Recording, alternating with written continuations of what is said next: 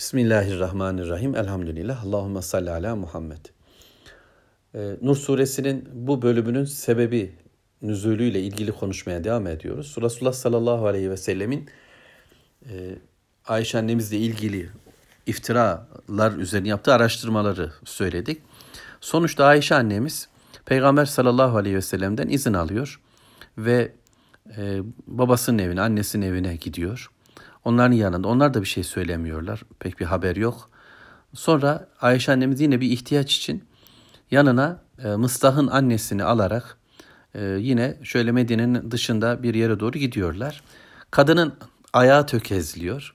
Başka rivayetler de var. Ensardan bir kadın olduğuyla alakalı bir filan ama e, bunu ben ifade edeyim.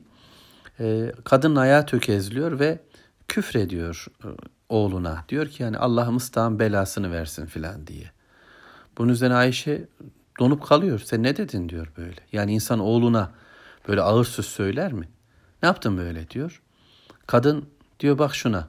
Ben e, o senin namusuna, iffetine söz söylüyor. Sen de onu korumaya kalkıyorsun filan gibi. E, o ne dedi?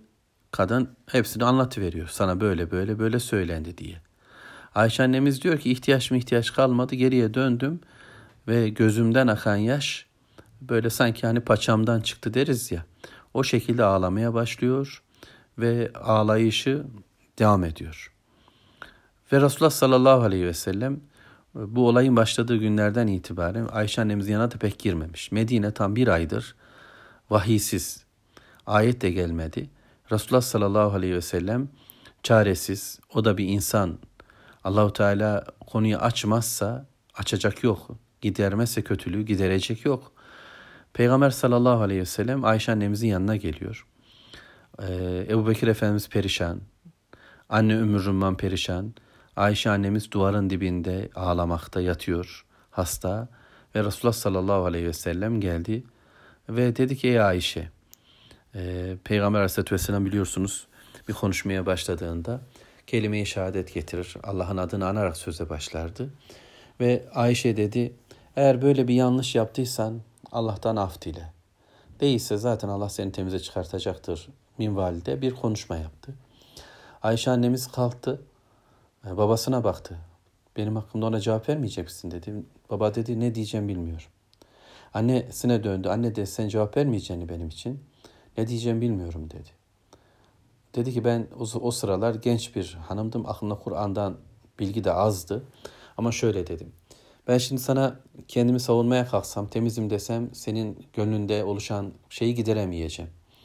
Eğer suçluluğumu ifade etsem sen buna inanacak durumdasın. Vallahi dedi seninle benim aramdaki durum Yakup dedi aklıma gelmedi. Yusuf'un babasının e, sözü gibidir. Fesabrun cemil. Bana düşen güzelce sabretmektir. Vallahu müsteanun ala ma tasifun. Allah doğru okudum inşallah. Allah onların e, vasfı yakıştırmaları karşısında benim yardımcımdır. Böyle söyledi. E, yani Yakup peygamberin oğullarına söylediği bana düşen sabırdır. Allah sizin yaptıklarınız karşısında, sizin yakıştırmalarınız, sözleriniz karşısında benim yardımcımdır sözünü ifade etti Hazreti Ayşe anamız da ve sonra sırtını dönüp yattı. Diyor ki ağlamam kesildi. Yani o dakika artık ağlamam kesildi durdum. Allahu Teala'nın beni temize çıkartacağına inanıyordum. Muhammed Aleyhisselatü Vesselam'a bir rüya ile bunu ifade edeceğini umuyordum. Fakat kıyamete kadar okunacak olan bir kitapta e, benim adıma, benimle ilgili olarak ayetlerin geleceğini hiç düşünmüyordum.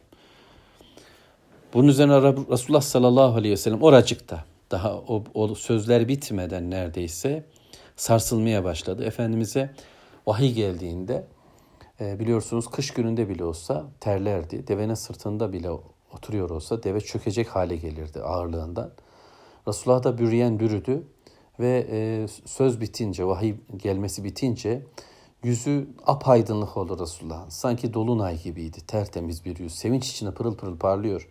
Anandan doğduğun günden bu yana yaşadığın en güzel güne selam olsun ey Ayşe. Allah seni temize çıkarttı deyip Nur suresinin ayet-i kerimelerini okudu. 11. ayetten itibaren e, okumaya başladı Resulullah sallallahu aleyhi ve sellem.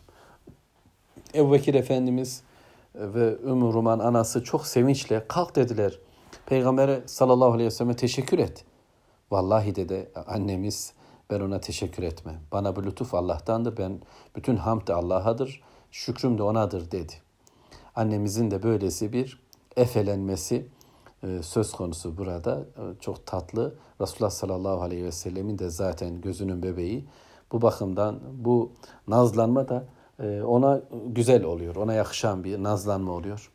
Resulullah sallallahu aleyhi ve sellem bundan sonra bu ayet-i kerimeleri Müslümanlara okudu. Vahyin gelişiyle birlikte Müslümanlar edeplendirildiler.